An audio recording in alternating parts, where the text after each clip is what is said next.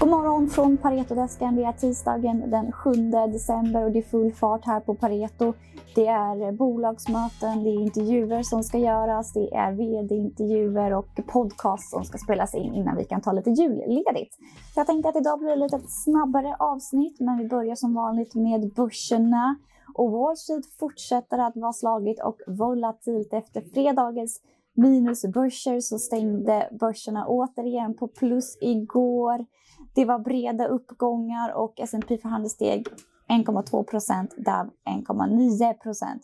Så hela den här virusoron, oron från för omikron har dämpats något och Vita husets eh, medicinska chefsrådgivare Anthony Fauci beskrev igår att den första eh, omikrondatan verkar eh, vara uppmuntrande och Eh, viruset eh, ger potentiellt då mildare besvär än de tidigare varianterna.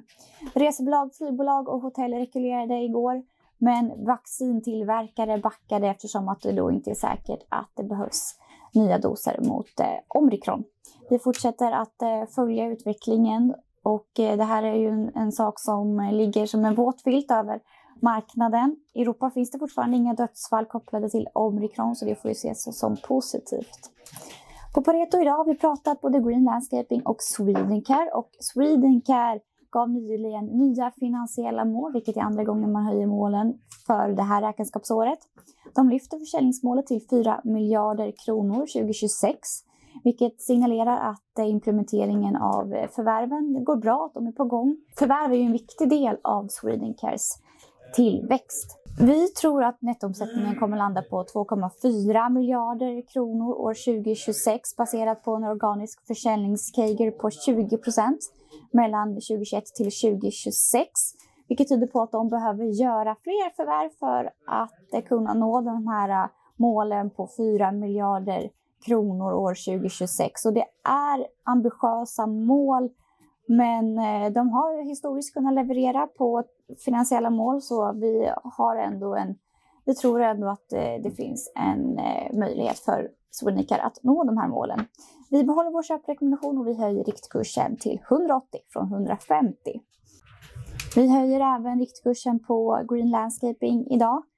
Green Landscaping kommunicerar två förvärv förra veckan och vi höjer vår ebita för 2022-2023 med 11 till 12 procent. Och med de här förvärven som han har så kommer de nå sitt eh, omsättningstillväxtmål. Och vi tror att eh, Green Landscaping kommer fortsätta att förvärva. Vi upprepar vår köprekommendation och höjer riktkursen till 120 från 113. Vi har även fått nyhet från ABB idag som har sin kapitalmarknadsdag klockan 12. I samband med detta skickar de ut nya finansiella mål från en omsättningstillväxt på 5 procent till 4,7 procent över en cykel och från att ha legat i marginalintervallet på 13 till 16 procent 2023 till minst 15 procent från och med 2023. Vi kommer att prata mer om eh, ABBs kapitalmarknadsdag imorgon med Anders Roslund när han har fått lyssna in på det, den kapitalmarknadsdagen som alltså börjar klockan 12. Tack så mycket för att ni har lyssnat. Idag i natt kommer som vanligt ut eh, Pareto Podcast. Vi pratar med Johan Thorén, vi pratar småbolag, vi pratar Climon som har varit en besvikelse. Vi pratar Evolution som också haft det tufft. Vi pratar också lite andra spännande bolag, så in och lyssna på podden som släpps i natt. Pareto Podcast kan ni prenumerera på redan nu. Jag önskar er en fortsatt eh, tisdags, eh, en fortsatt trevlig tisdag ute i kylan.